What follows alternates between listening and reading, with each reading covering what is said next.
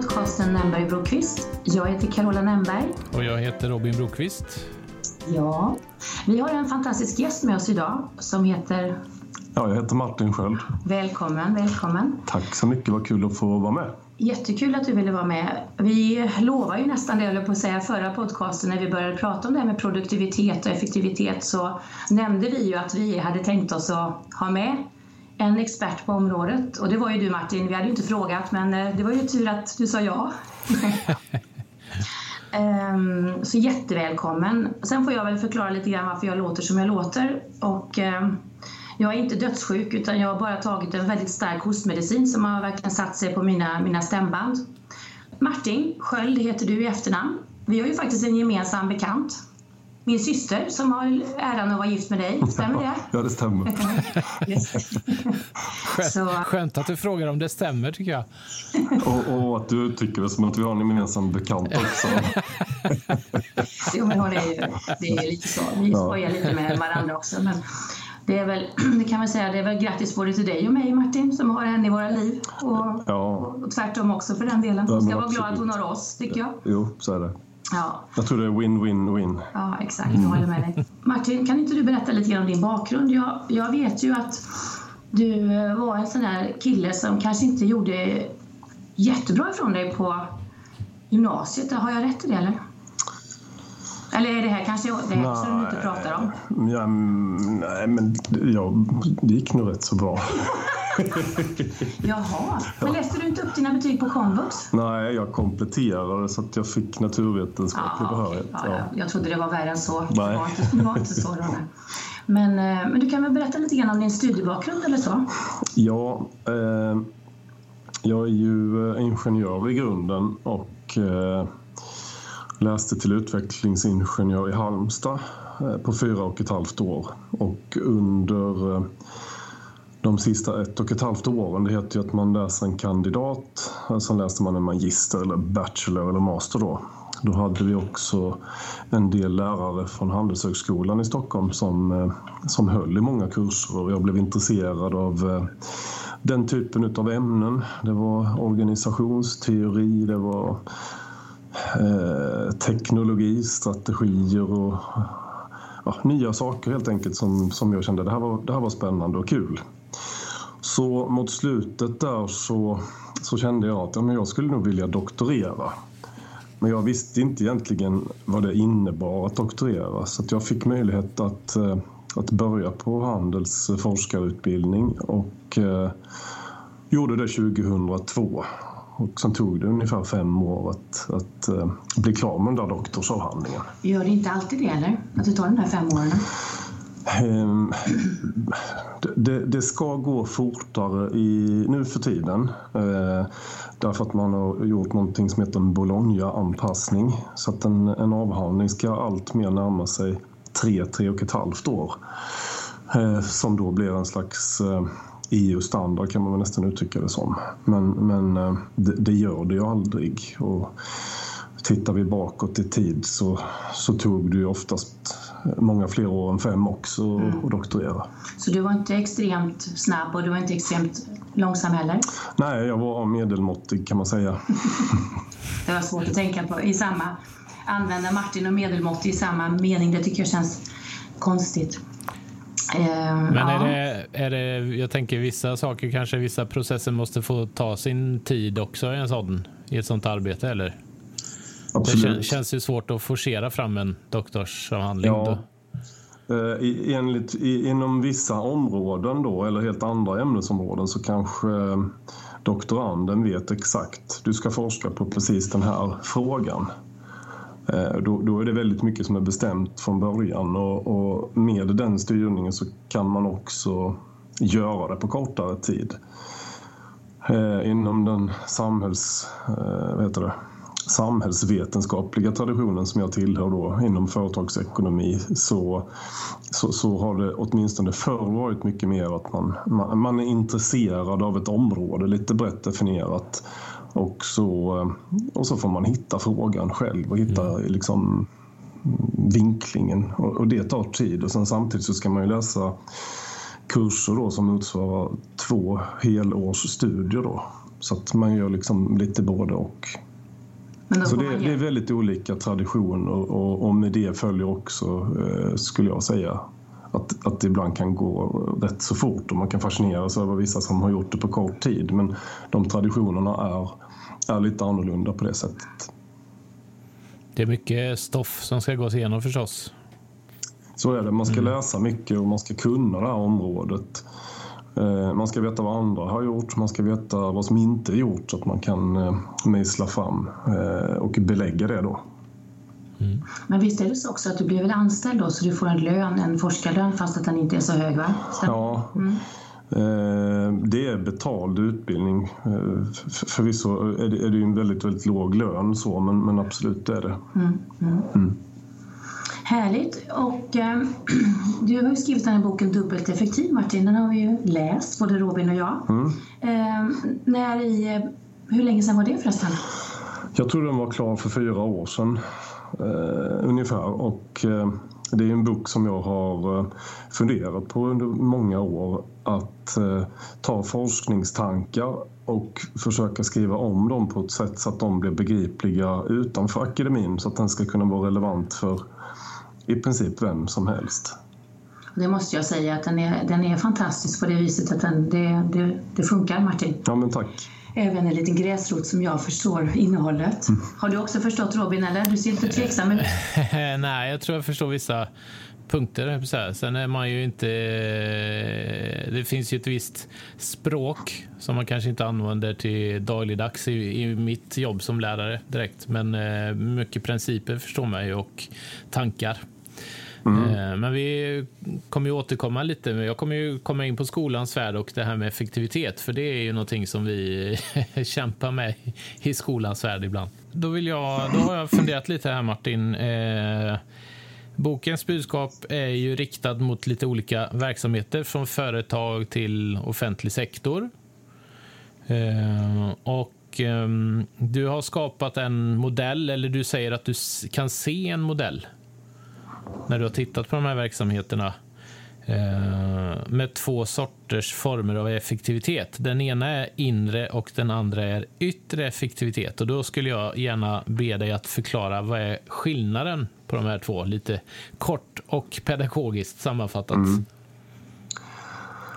Eh, det som jag då kallar för inre effektivitet, man skulle kunna, man skulle kunna kalla det för volym också. Att man är bra på att göra samma sak många gånger och på så sätt bli effektiv i att man repeterar och, och, och, så. Så tänker man att ett företag så skulle det här företaget då tillverka samma produkt eller samma, eller samma tjänst. Då kan man eh, se till så att personalen Eh, eller personalen kommer lära sig att göra det här på, på ett effektivt sätt. Det kommer gå fortare. Man kommer använda maskiner, utrustning, system eh, eller vad det nu är eh, på ett så ändamålsenligt sätt.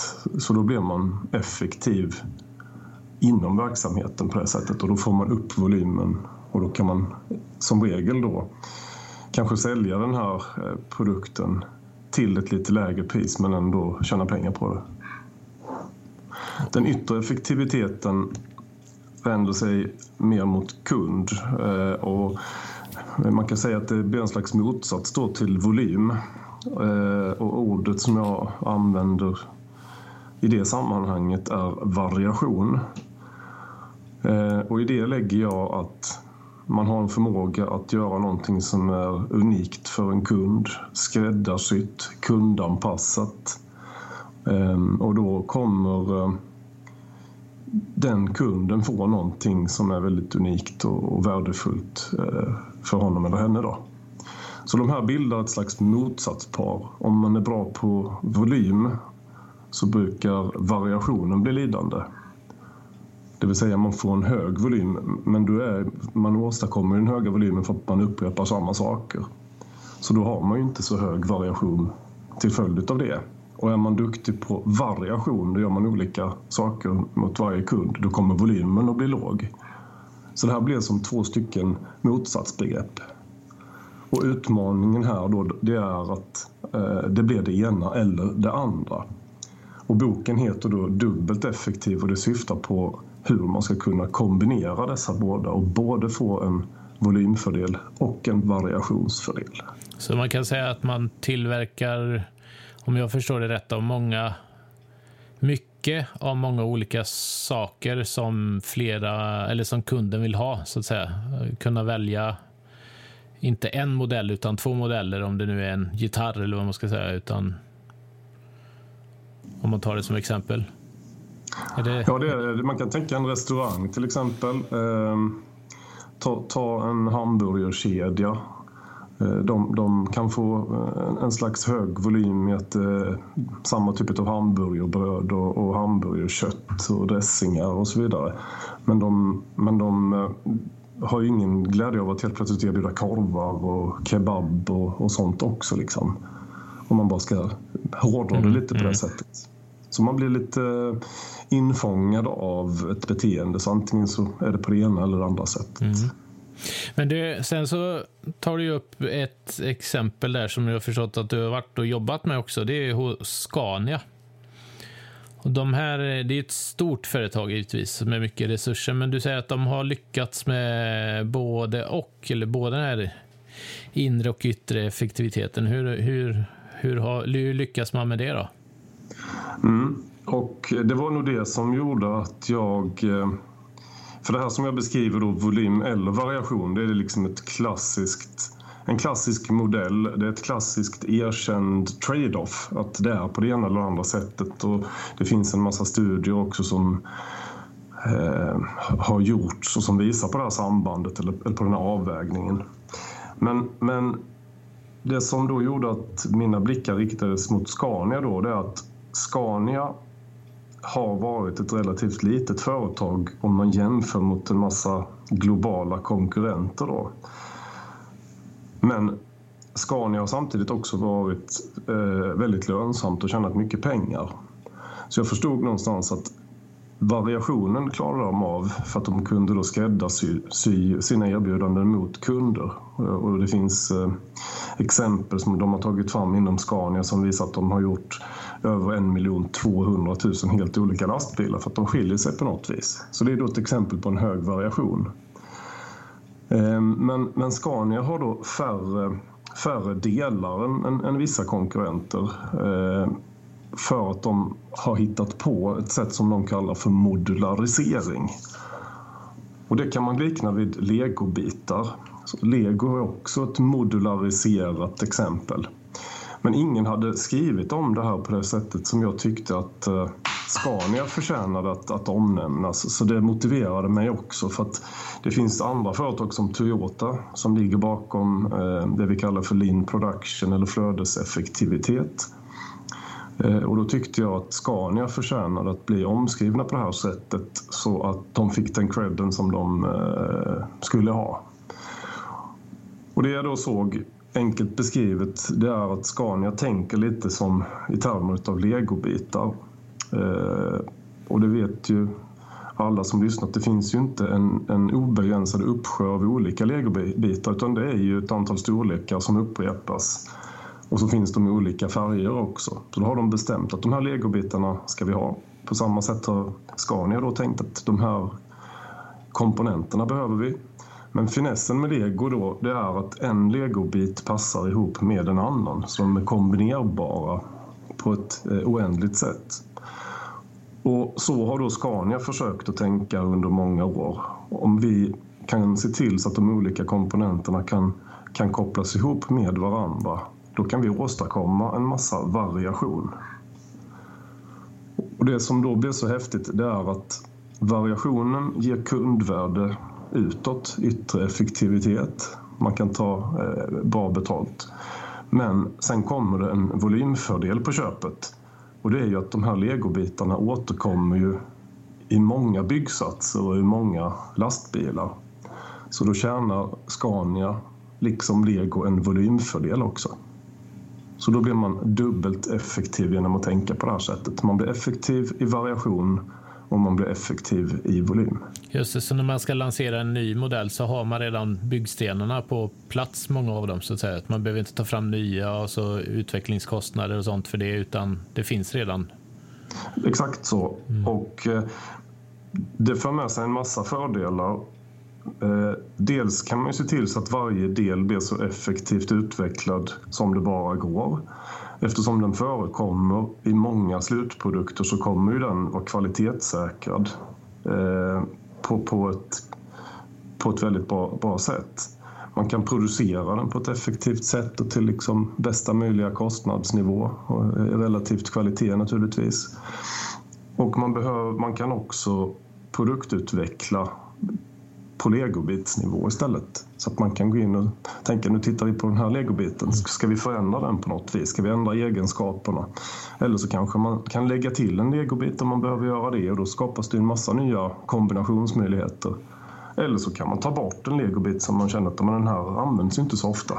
Så man får ett väldigt överblickbart eh, system på det där sättet.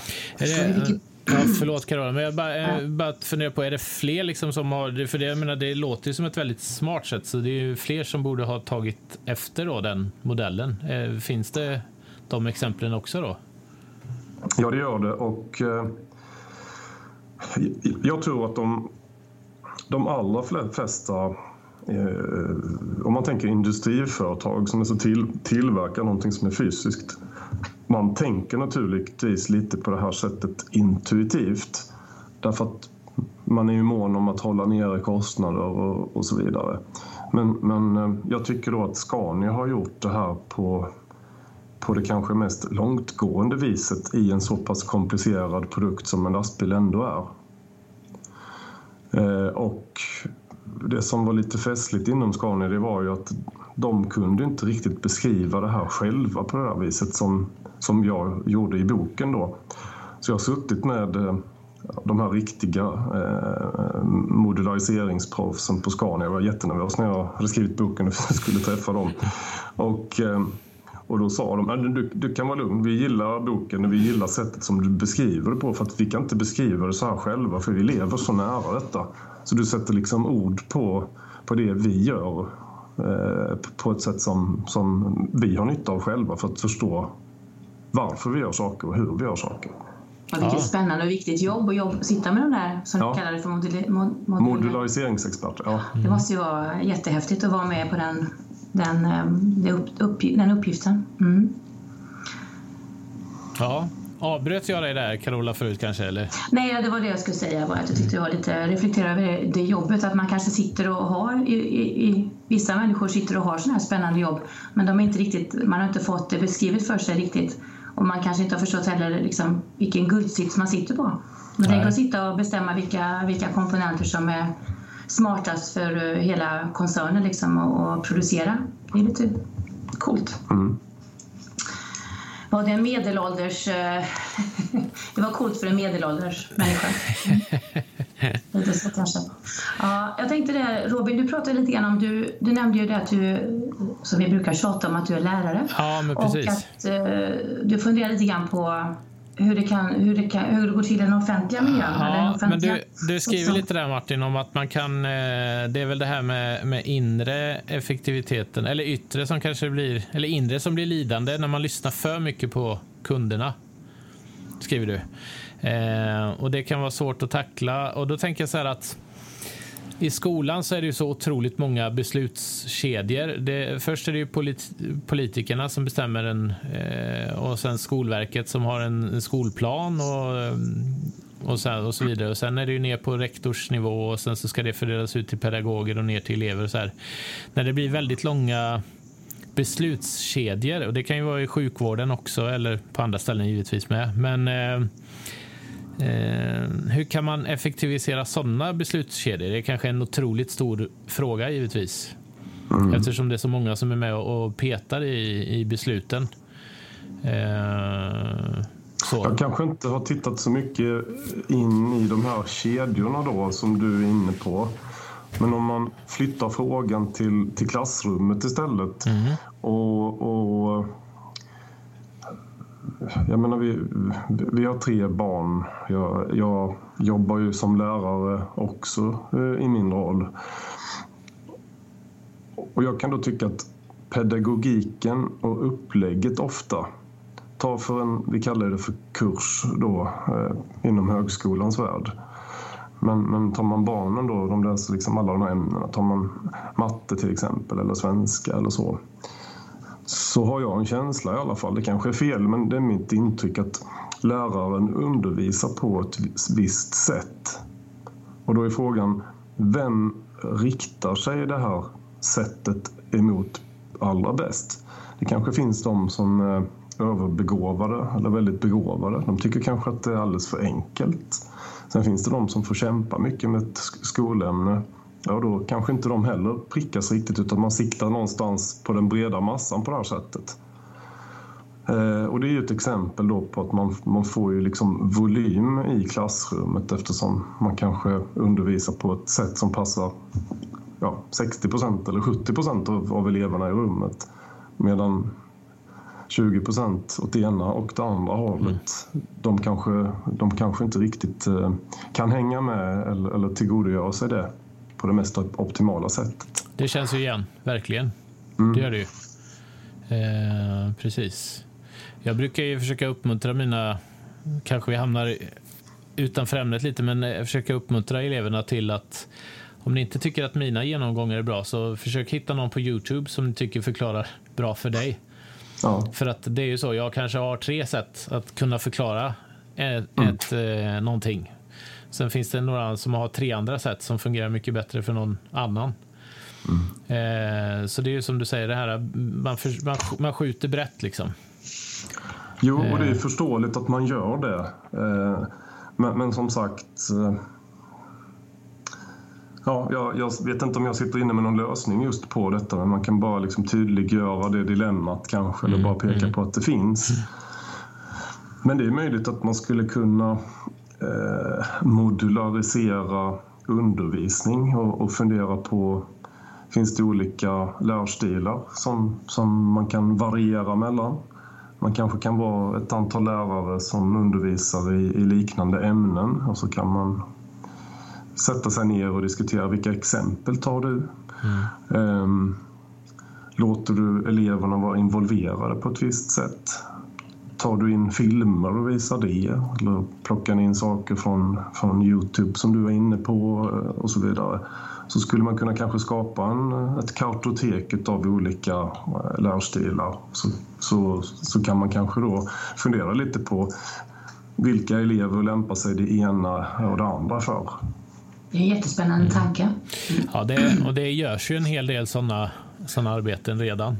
Mm, eh, så att, eh, det var ju en, en kollega för några år sedan som sa att vi håller på att anpassa ihjäl oss.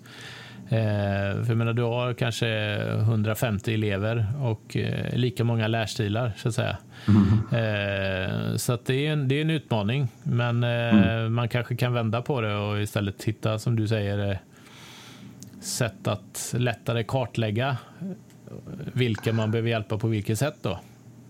Ja, precis. Eh, för, för, för, för, Lego har ju inte ett obegränsat antal legobitar. Nej. Scania har inte ett obegränsat antal komponenter. Utan de har noga tänkt igenom vilka legobitar är det vi behöver. Och genom att kunna kombinera dem på olika sätt så kanske man kan nå de här 150 lärstilarna på det viset. Mm snarare än att individanpassa precis eh, alltså undervisning för 150 olika studenter. Så man kanske kan ta fram 20 stycken legobitar och så kan man kombinera dem på ett smart sätt och då träffar man eh, en bredare skara kanske. Mm. Det, ja, det är ju intressant. Robin, vi får starta ja. en privatskola. Mm. Eh, ja, kanske det kanske. och då ska det vara obligatoriskt med karate eller kampsport för alla, mm. tycker jag. Mm.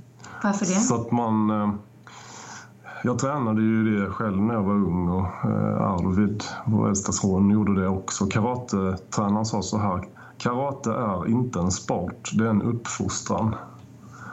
Och jag har ju själv jobbat med, med ungdomsidrott som tränare. Och jag vet ju hur, hur viktigt det är att röra på sig, att man skapar respekt för tränare, man skapar respekt för sina lagkamrater och så. Och jag tyckte att karaten har varit helt föredömlig med det. Man lär sig någonting som faktiskt kan vara till skada för andra men man lär sig att hantera det på ett bra vis och just visa respekten. Så jag har tänkt på det många gånger. Varför kunde det inte få finnas lite kampsport för alla? Jag tror det är bra för oavsett ålder och kön naturligtvis. I vårt politiskt korrekta Sverige så är det ju inte rumsrent men jag, jag köper det och jag köper också det här. Jag tänker att i ett sådant sammanhang så träffar man väl på människor från olika som Arvid där till exempel träffar väl på eh, människor från, eller kompisar från olika områden också, tänker jag. Lite mm. mer socio... Precis. Eh, så. Ja, men det, är det. Och det, det ligger ju någonting i det du säger också för att det är ju ett, ett av de stora samhällsproblemen som är på väg att bli ännu större. Det är att barn och ungdomar rör på sig alldeles för lite. Eh, så att det, mm, det är också det är ytterligare en aspekt på det hela eh, utöver den här eh, disciplinära eller vad man ska säga, alltså mm. delen. Mm. Ja, ja Hörni, yes. är, du, är du nöjd Robin? Har du fattat nu eller? Nej, mm, ja, jag tror det. Jag ska reflektera mm. lite här så tror jag att jag kommer fatta.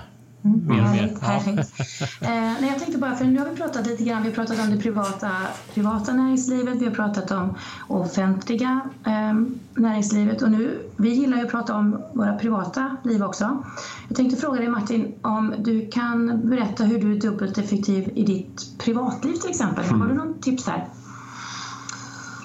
Jag försöker väl att tänka så och tricket är väl att, eh, att, att inte bara göra en sak åt gången utan att kanske kombinera då.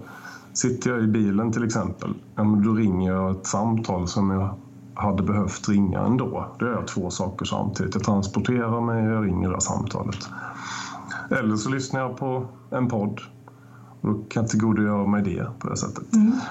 Lagar man mat så behöver man inte bara laga Eh, en maträtt åt gången utan man kan ju till exempel med hjälp av köttfärs skapa en, en lunch som är köttfärs med, med spaghetti. Man kan använda köttfärsen till att göra en lasagne, man kan göra en paj också.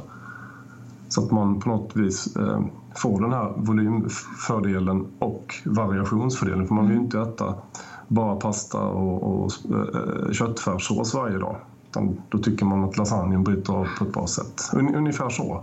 Mm. Det låter väl fantastiskt bra. Det var ju vi inne också på i förra episoden där Robin att äm, prata om det här med att man kan, man kan till exempel äm, prata i telefon med, vara social med, med en vän och promenera till exempel.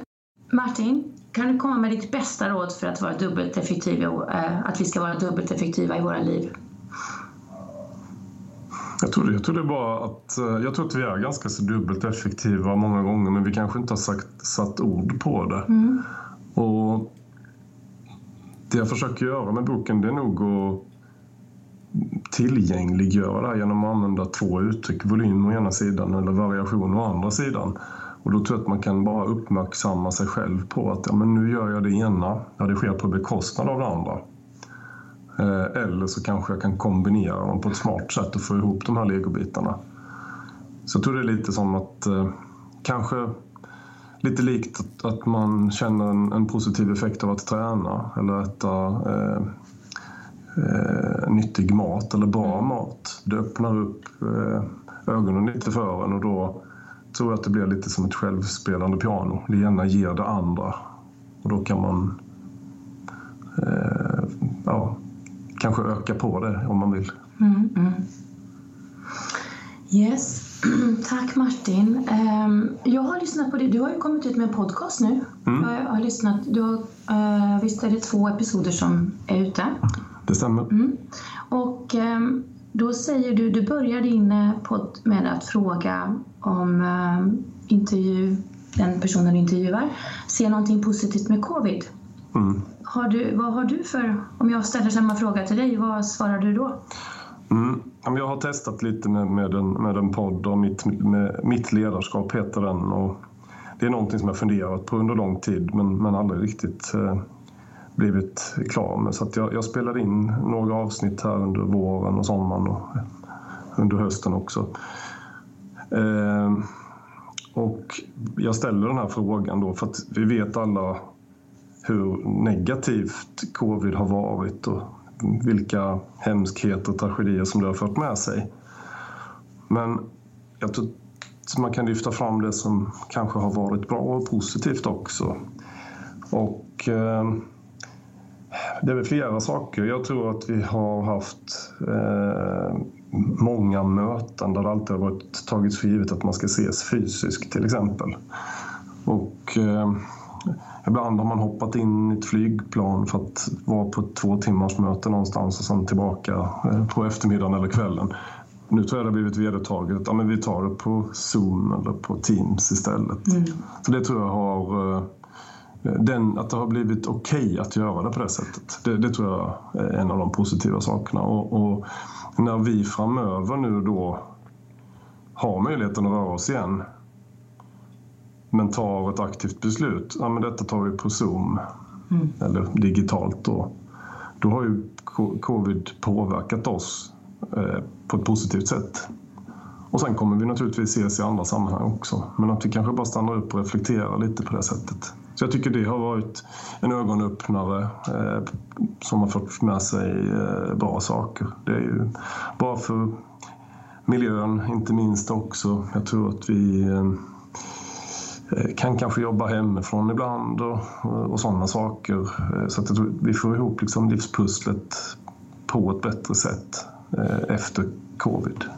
Då måste jag, måste jag flika in där för att de mötena som vi har haft på, på jobbet, de har ju faktiskt blivit mer effektiva när vi har kört digitalt. På tal om dubbelt effektiv. Mm. Men vi har nog dragit ner eh, mötestiden kanske med en, med en halvtimme varje ja. möte. Liksom. Faktiskt. Och då har det ändå varit det vi skulle prata om som vi har mm. pratat om. Ja. De säger ju det också att de här tekniska hjälpmedlen som vi har, de här plattformarna, att de har ju verkligen fått ett, de har ju utvecklats så mycket snabbare. Eh, och att man har fått människor att ha digitala möten istället för fysiska, det har ju, det har ju tvingats fram mycket snabbare än vad det hade gjort i vanliga fall. Mm. För folk är ju oftast, det är lite flashigt att resa till Paris på ett möte, sitta på något eh, ordförande, ja, något styrelsemöte kanske. Eh, och det här, och, och helt plötsligt så är, är det inte en en möjlighet längre utan nej, men nu, är man, nu kör vi digitalt. Tänk vad det spar, företagen sparar också. Det är ju häftigt att se. Mm. Ja, Robin, ska vi släppa Martin nu tycker du? Eller vi... Ja, tack så hemskt mycket för att ja. vi fick ha det här. Tack så jättemycket Martin. Och du, eh, var, om man skulle vilja, om det är någon som har någon fråga eller så till Martin så får ni gärna skicka. Vi har ju våran Instagram, vårt Instagram som heter Nanberg Brokvist. Då kan ni skicka ett DM dit och ställa en fråga till Martin så ska vi se om vi kan få svar på den sen.